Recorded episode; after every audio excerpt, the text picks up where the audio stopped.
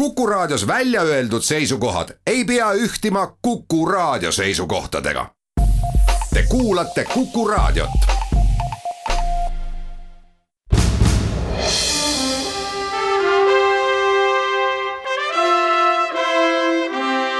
vahetund Postimehega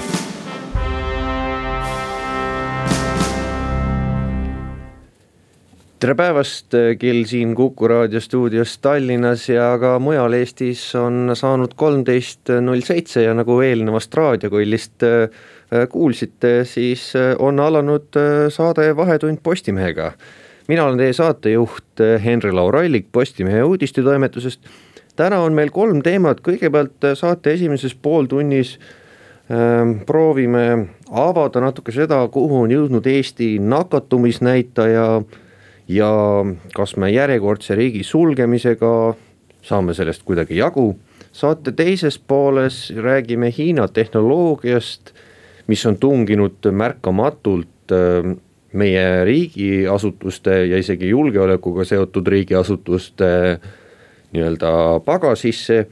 ja saate lõpul teeme juttu ka ühest äh, Rakvere tüdrukutirtsust äh, Nelerist kelle üle, kelle nime üle siis Eesti kohtuveskid pikalt jahvatasid.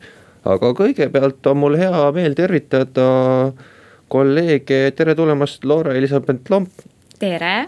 ja liinil peaks meiega olema Aarne Seppel. tere päevast no nagu tegi eile tagasituleku karm pakane, siis eh, tagasituleku teeb siis homsest ka riigi sulgemine et homsest siis sisuliselt kuu aega on äh, kõik lukus, äh, võib-olla nüanssides mitte nii karmilt kui eelmine kevad, aga noh, pragmaatiline olukorra analüüs, analüüs ütleb, et me nii-öelda ikkagist katastroofi äh, suunas tüürime, et mida numbrid praegu näitavad, kui nüüd lühidalt ära selgitada? no lühidalt numbrid näitavad seda, et veebruari alguses alanud äh, koroonaviiruse ikkagi plahvatuslik levik üle Eesti. et äh, see levik jätkub, ta võib-olla nüüd ei ole viimasel paaril päeval olnud nii plahvatuslik kui, kui veel eelmisel nädalal. aga mingisugusest stabiliseerumisest või pidurdumisest ei saa üldsegi mitte rääkida et ütleme, et kui me siin oleme ikka võrdlemisi stabiilsed selle kuskil tuhande kolmesaja, tuhande viiesaja vahel olnud, siis päevas nakatunute arvu mõttes, siis äh, see võib veel nii-öelda kasvada. Äh, jaa, kindlasti, et äh, matemaatilise statistika professori Krista Fischeri tehtud äh, prognoosimudelite järgi noh, üsna tõenäoliselt me ikkagi nüüd jõuame kas sellel või järgmisel nädalal ka kuni kahe tuhande nakatununi päevas või positiivse diagnoosini päevas et see noh, tõenäoliselt on, on tulemas. no eelmine kevad oli meie nii-öelda kõige suurem või noh, koroona piirkond siis Saaremaa, kus oli võrkpallimängu tõttu siis meeletu puhang. mis on meie uus Saaremaa või, või mis on meie uus Ida-Viru? Praegust siis äh, on tegelikult Saaremaa tagasi tulnud, et äh, ta on äh, pooleteise kuuga jõudnud Eesti ühest madalamast nakatumismäärast Eesti pea kõige kõrgema nakatumismäärani. et praegust, kuna meil Briti tüvi levib ja ta on tegelikult juba pikalt levinud siis see kiire tõus on ütleme ka Anias, siis on Lääne-Virumaal on paar valda, kus on ka väga kiiresti äh, läinud viirus äh, levima ja Ida-Virumaa ka muidugi ja Tallinnas selles suhtes, et ähm, kuigi siin Tallinnas võivad näidata, et äh, näete, et Lasnamäel on kõige hullem seis või et Mustamäel. siis tegelikult on seal ka selle asutuste ja, ja inim siis noh, kui tihedalt inimesed on üldse koos et äh, tegelikult on üle Tallinna väga-väga kõrge, et kui, et noh, ei tasu vaadata Tallinna puhul ainult siis mingeid linnaosi, vaid äh, peabki vaatama, et see on ühtlaselt tegelikult no sa mainisid Anija valda, et kuidas, kuidas, kuidas neil siis niimoodi on läinud või mis selle põhjus taga on, nad on uus pealinn, ma saan aru.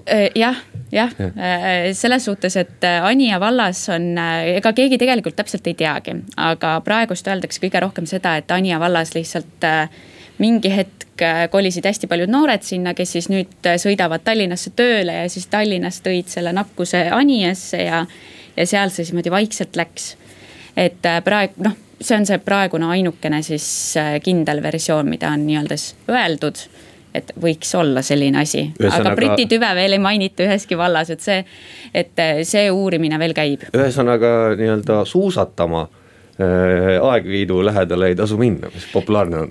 kusjuures jah, ja siin ma tahaksin ka öelda seda, et Krista Fischer mainis, et lisaks nendele piirangutele, mis meil on võiksid ka inimesed vaadata seda, et nad püsiksid oma maakonnas või et oma vallas et sellist ütleme aegviidust Tallinnasse või, või Pärnust Tartusse minekut väga ei toimuks, sest et ütleme, mina ei tea, et mul näiteks võib ju Briti tüvi olla, ma ei tea seda ma lähen viin selle Tartusse ja seal siis läheb samamoodi see kiirelt ringlema. et jah, hoida enda kodu juures ennast ja no tegelikult see sõnum on, saakski olla nagu väga lihtne, et äh, kui ei ole hädasti tarvis, äh, ole kodus. ja kui, kui ei saa nagu noh, peab kodunt välja minema, siis hoia, hoia teistest eemale. teised inimesed ei ole hetkel väga head. Aga muidugi, kui nüüd vaadata seda Eesti kaarti, siis äh, noh, seal neid üksikuid valdasid võib-olla väga mõtet ei olegi välja tuua, et see on ikkagi kogu Põhja-Eesti on äh, oluliselt tumedam kui siis noh, Kesk-Eesti ja Lõuna-Eesti. aga noh, tegelikult kui nagu numbrite sisse vaadata, siis äh, levik on laialdane ikkagi üle, üle kogu riigi. lihtsalt Põhja-Eestis on seda veel paar korda rohkem mis lood selle rohkem nakkavama Briti tüvega on, mina olen kuulnud erinevaid numbreid, et ta on siis äh, kuskil moodustunud seal saja protsendi lähedale, viiekümne protsendi lähedale, seal kuskil seitsmekümne mm. -hmm. milline levik sellel praegu on? no ütleme niimoodi, et ta on ikkagi kordades kiireim, et minul on ka, kas öeldakse, et viiskümmend seitse protsenti või siis sealt isegi kiirema, et ta tegelikult äh, ütleme niimoodi, et siin on toodud välja väga palju selliseid ma ei tea, näiteid, näiteks Inglismaal avastati tüvi ja kolme kuu pärast oli terve noh, oligi domineeriv, aga Inglismaa puhul peab vaatama seda, et seal on rahvast väga palju. Et äh, meil on Eestis üks koma kolm miljonit inimest ja meil, meil võib see Briti tüvi domineerivamaks muutuda juba niimoodi, et äh, et enamus testidest, üheksakümmend protsenti positiivsetest on äh, Briti tüve kandjad. praegu seda öelda ei saa? praegu seda öelda ei saa, sest kinnitust ei ole ja valitsus äh, siis ütleme, et äh, Tartu Ülikooli sekveneerijad, kellele pole veel raha jõudnud, siis nemad tegutsevad, sekveneerivad juba mitu kuud ilma rahata ja, ja siis ka nüüd Synlab on otsustanud, et nad aitavad kaasa, et siis teha selline äh, ütleme, genotüpiseerimine, et kas ja mis. aga mis ma tahtsin veel Briti tüve kohta öelda, on see, et äh, kuna ta levib kiiremini ja, ja koroonaviirus ikkagi meil vanemaid ja eakamaid inimesi väga karmilt riivab, et selles suhtes, et need numbrid noh, ütleme, et iga päev on pea kümme inimest, kes, kes kahjuks äh, sureb nad on äh, eakad ja nendeni ei ole veel vaktsiin jõudnud, sest et neil on ainult Pfizer või Moderna vaktsiin, mida on niigi vähe. et siis jah, püsige kodus ja palun äh, mõelge selle peale, et kellegi vanaema, vanaisa, et noh, nendega võib midagi juhtuda. kuulame ära reklaamid ja kohe jätkame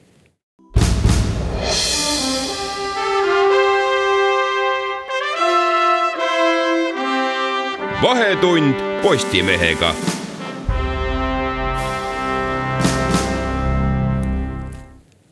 tere tulemast tagasi, stuudios on Postimehe ajakirjanikud Henri-Laur Allik, Loora-Elisabeth Lomp ja Arne Seppel. Arne, enne pausi sul tahtsid midagi väga olulist öelda Briti tüve kohta, aga ei jõudnud.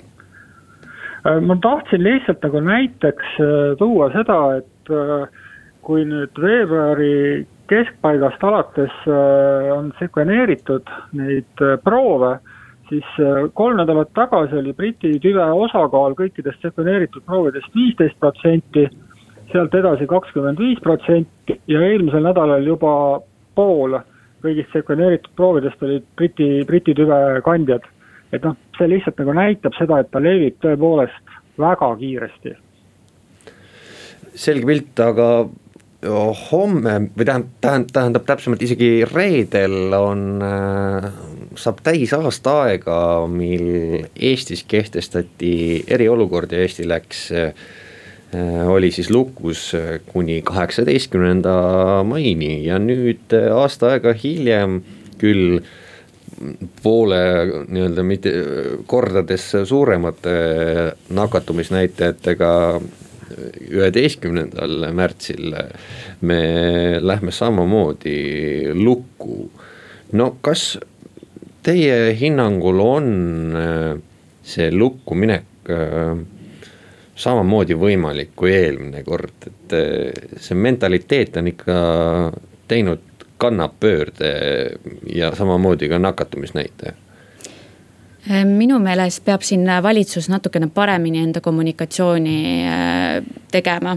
et ähm, kui öeldakse, et riik läheb lukku, siis riik peaks ka lukku minema, mitte ei hakata järgmine päev ütlema, et teate, aga meil oli sisuliselt seesama olu-, olukord äh, kaks nädalat tagasi, ainult et nüüd me panime paar poodi veel kinni.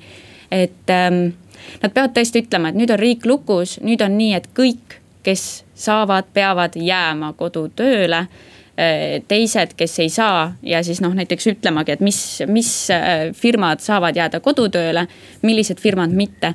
et tegelikult jah, see selline, et jah, me ütleme, kirjutame Facebooki, et äh, nüüd on asi selline. ja järgmine päev me leevendame seda kõike, mida me Facebooki olime ennem kirjutanud.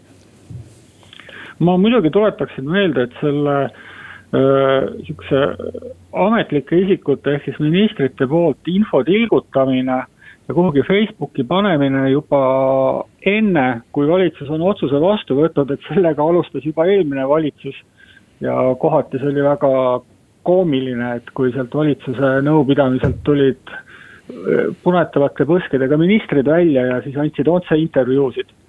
aga ja ma olen sellega väga nõus, et äh, noh, valitsus peab ikkagi nüüd väga-väga konkreetselt äh, ütlema inimestele, et püsige kodus seda ühelt poolt ja teiselt poolt ikkagi leidma raha ja, ja noh, inimesi aitama.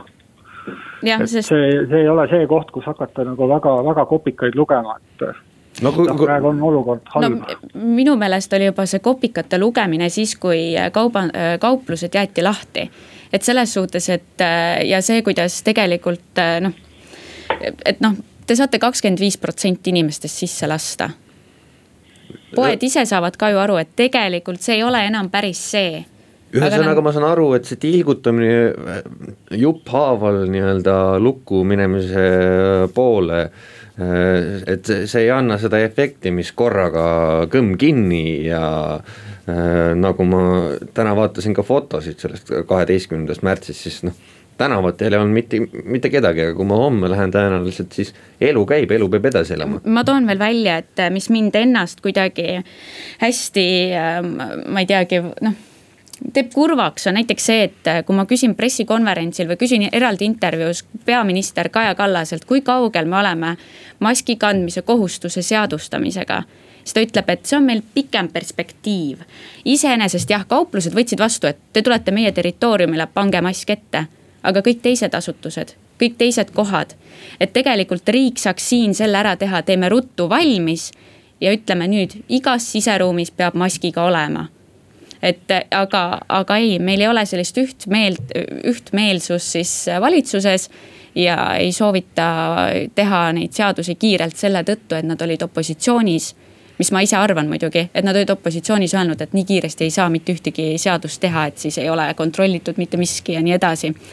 et äh, tegelikult jah, peaks natuke kiiremini reageerima asjadele no siin on muidugi see teine pool on ikkagi, ma viskaks nagu paar kivi ka äh, kaubanduskeskuste kapsaaeda, et äh, kes see keelas meil maski kandmist nõuda kuu aega tagasi, kaks kuud tagasi, kolm kuud tagasi.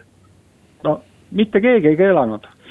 aga nad nagu võtsid selle noh, tegid nagu suu lahti alles siis, kui oli näha, et äh, noh, valitsus on aru saanud ja sealt nüüd mingisugused otsused tulevad ja nad lootsid võib-olla midagi leevendada või edasi lükata.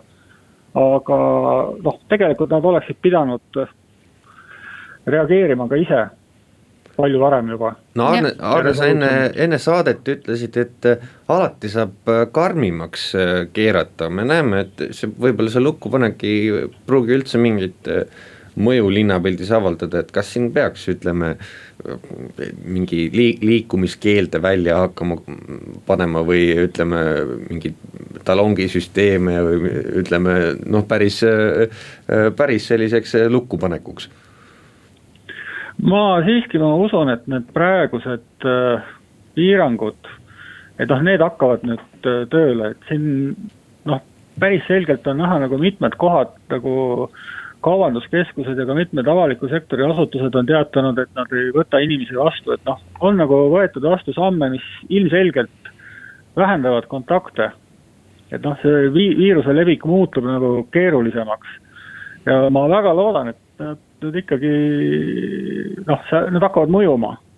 aga see noh, tõsiasi on see, et see mõju tuleb nagu teatud viitega, et ta ei noh, homme, homme hakkavad kehtima ja loota, et esmaspäevaks on juba olukord palju parem, et noh, seda loomulikult ei saa. ma ei usu, et ka noh- üheteistkümnendaks aprilliks võib see olukord päris äh, palju parem olla, et me tõenäoliselt pikendame ju seda. ma usun ka, ma usun ka ja siin noh, tegelikult äh, valitsusele tuleb soovida väga pikka meelt ja, ja, ja mingil määral ka ettenägemisvõimet, et millal ja kust otsast midagi leevendama ja lahti tegema hakata.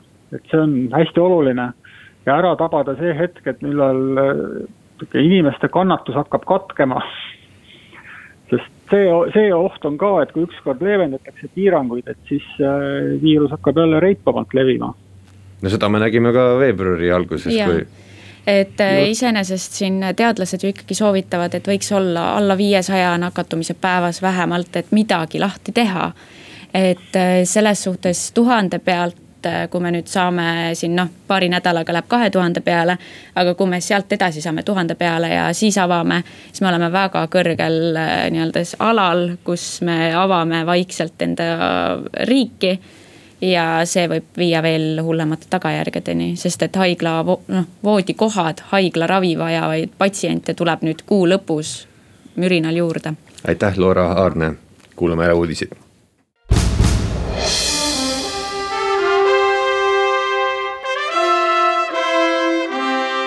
vahetund Postimehega.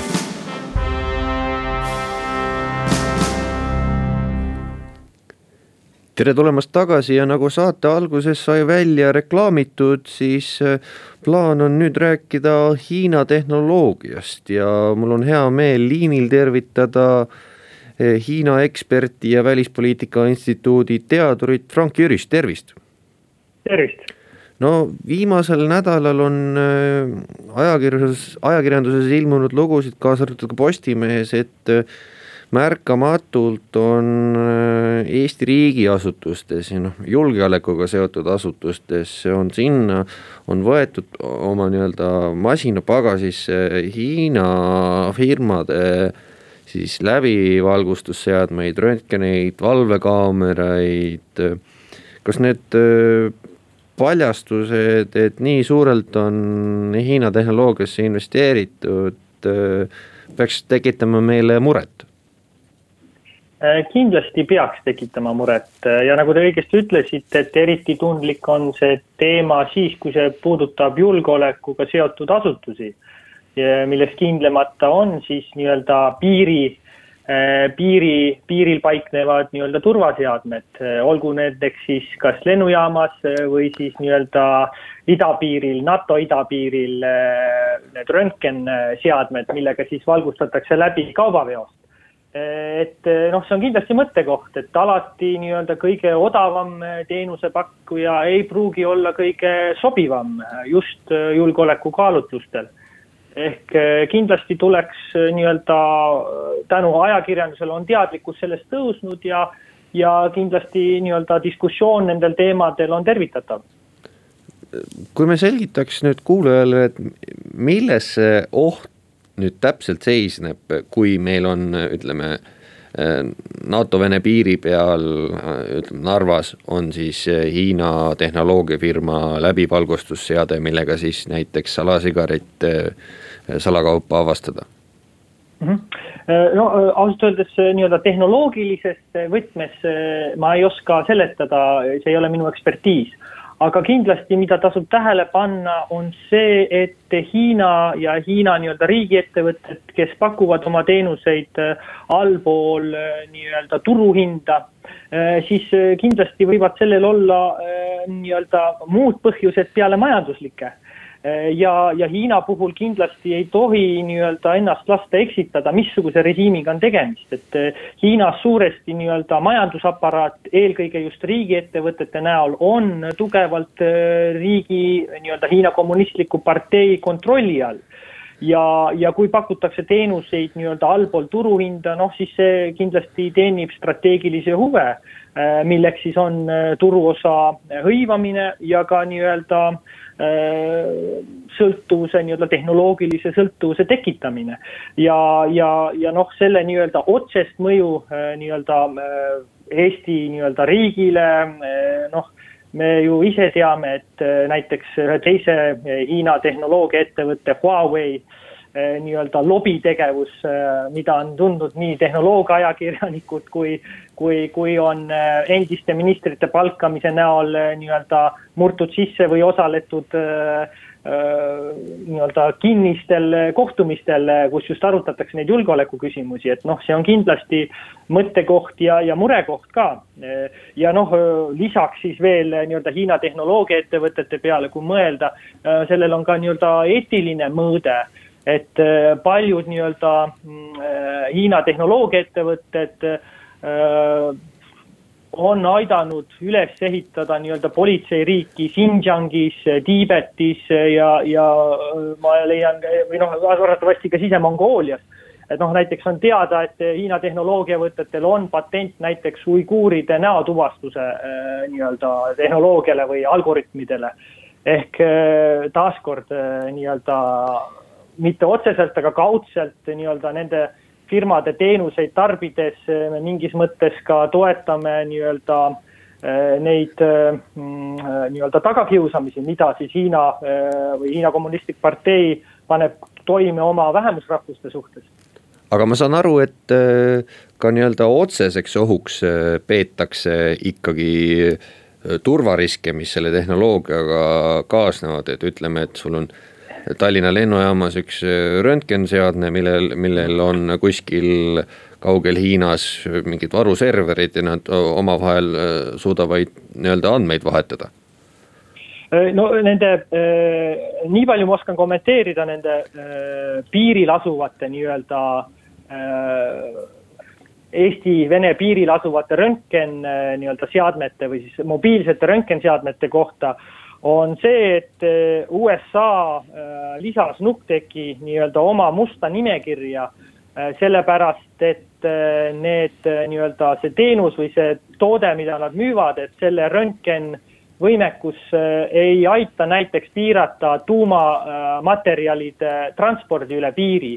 ehk siis, ehk siis võimaldab nii-öelda tuumamaterjalide salakaubandust ja, ja selleks siis äh, nii-öelda vastavad ametkonnad USA-s tegid katsed ja leidsid, et, et see teenus on allpool nii-öelda nõutavat piiri.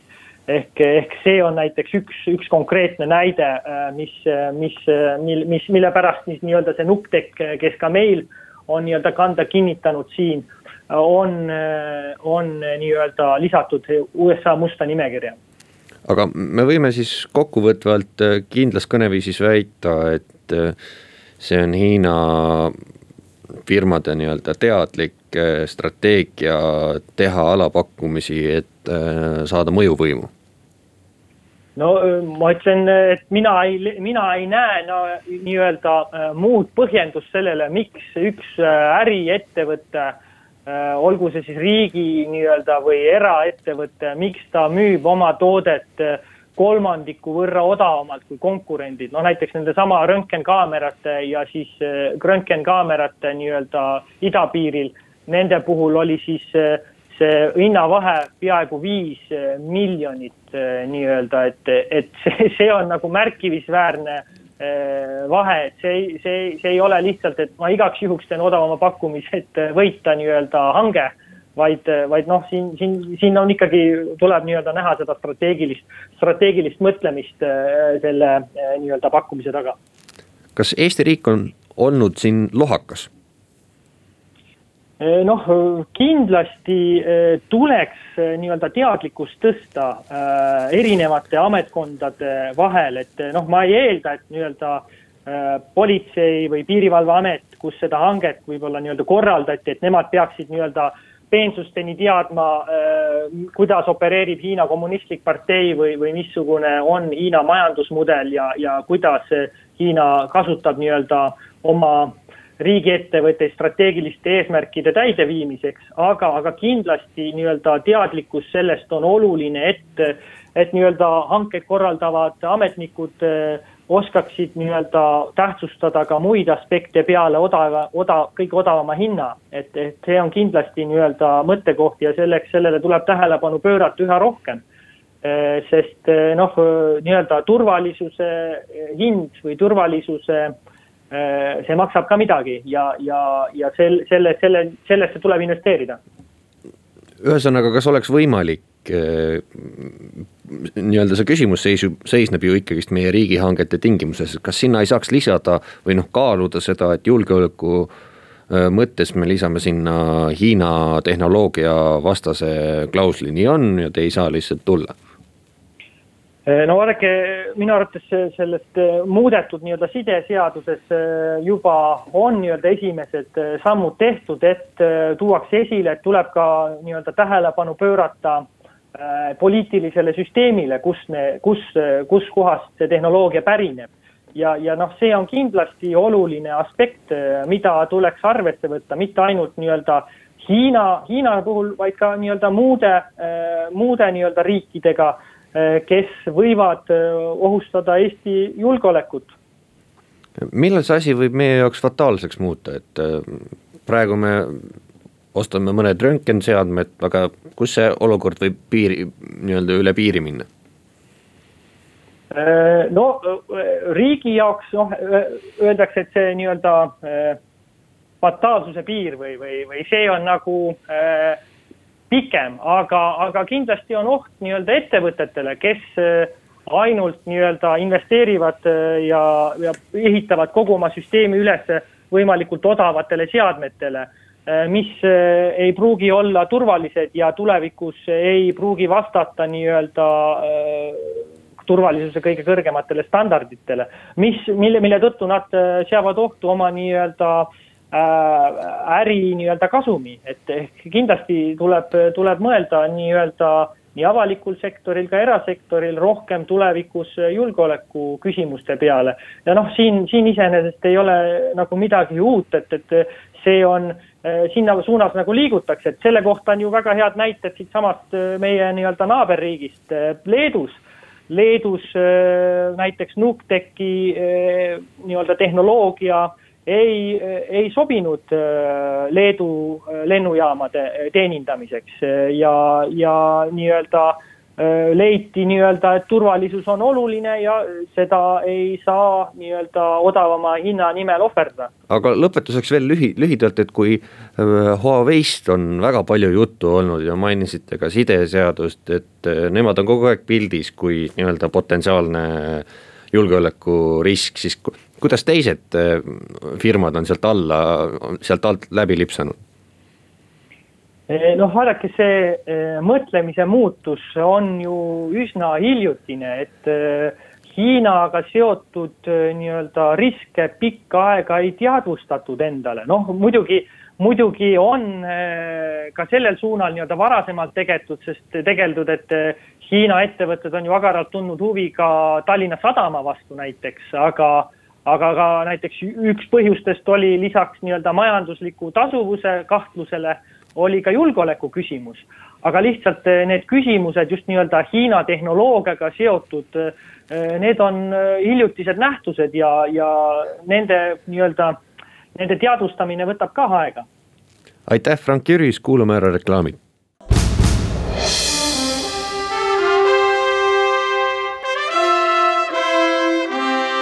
vahetund Postimehega.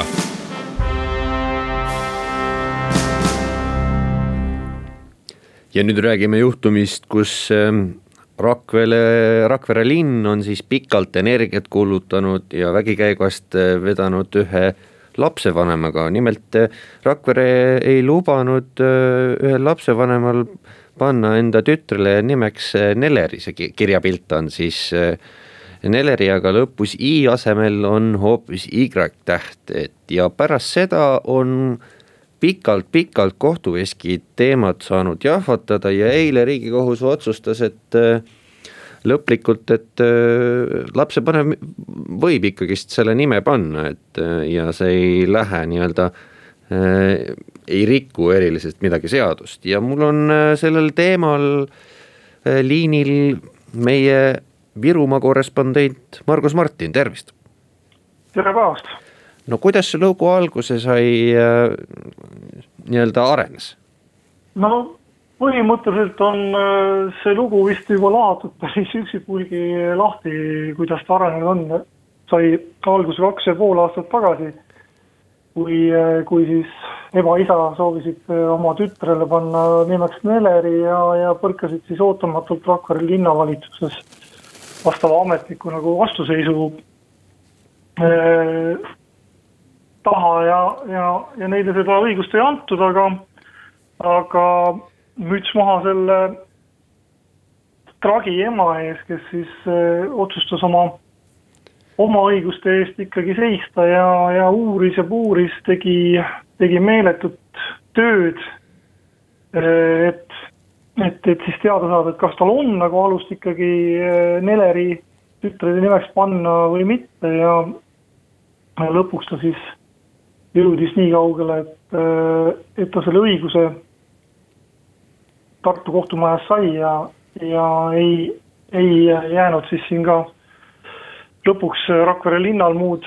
muud üle, kui, kui vaidlustada see kohtuotsus Riigikohtus, aga õnneks jah, siis nagu, nagu sa juba Henri mainisid, äh, ei, ei äh, võtnud Riigikohus seda menetlusse, et ma arvan, et täiesti inimlik lahendus.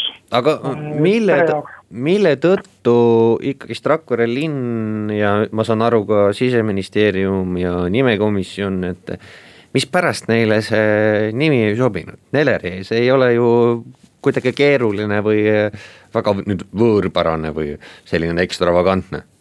no eks siin ikkagi viidati äh, nimeseadusele, milles ju endas tegelikult, nagu me nüüd aru saame, on äh, lüngad sees, et et tegelikult ei saa siin isegi näpuga näidata Rakvere linna ega konkreetse ametniku linnasekretäri suunas, sest sest omavalitsuse ülesanne ikkagi ei ole siin kujundada seda nimepoliitikat, et äh, need asjad on ikkagi ju seadusega paika pandud ja kui lüngad on sees, siis tuleb seadusandjal need lüngad ka korda teha.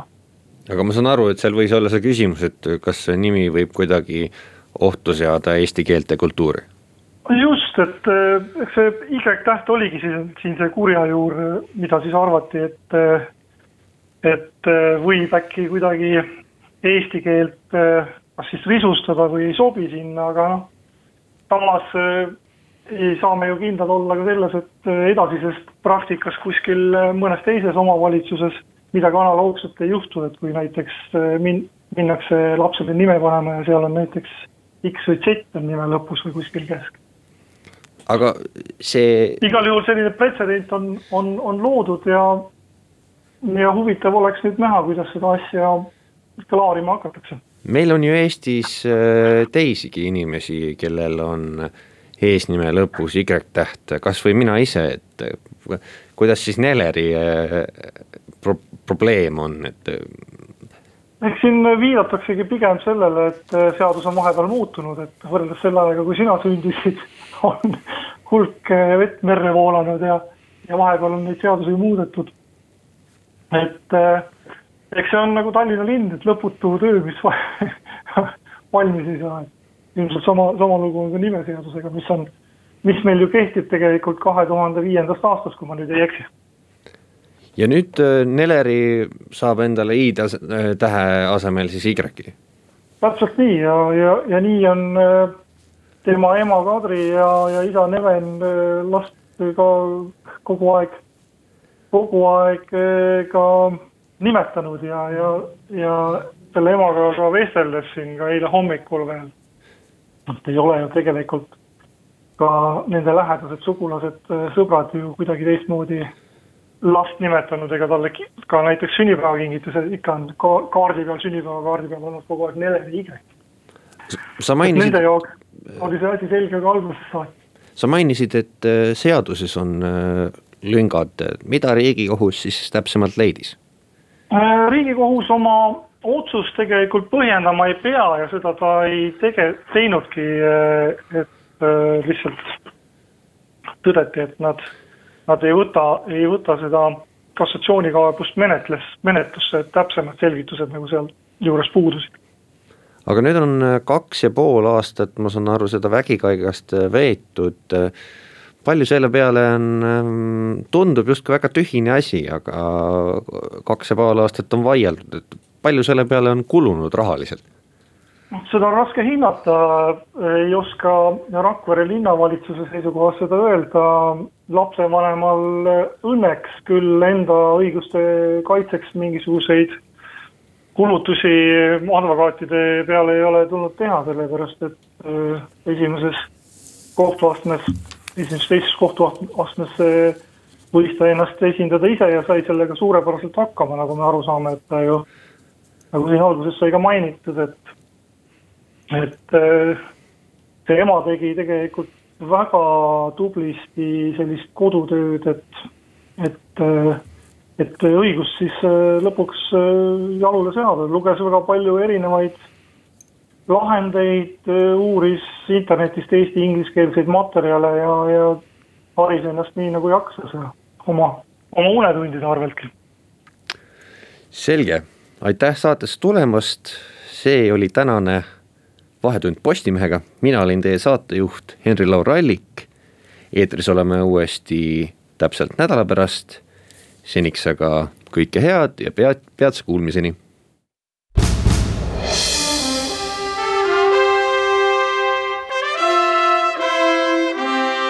vahetund Postimehega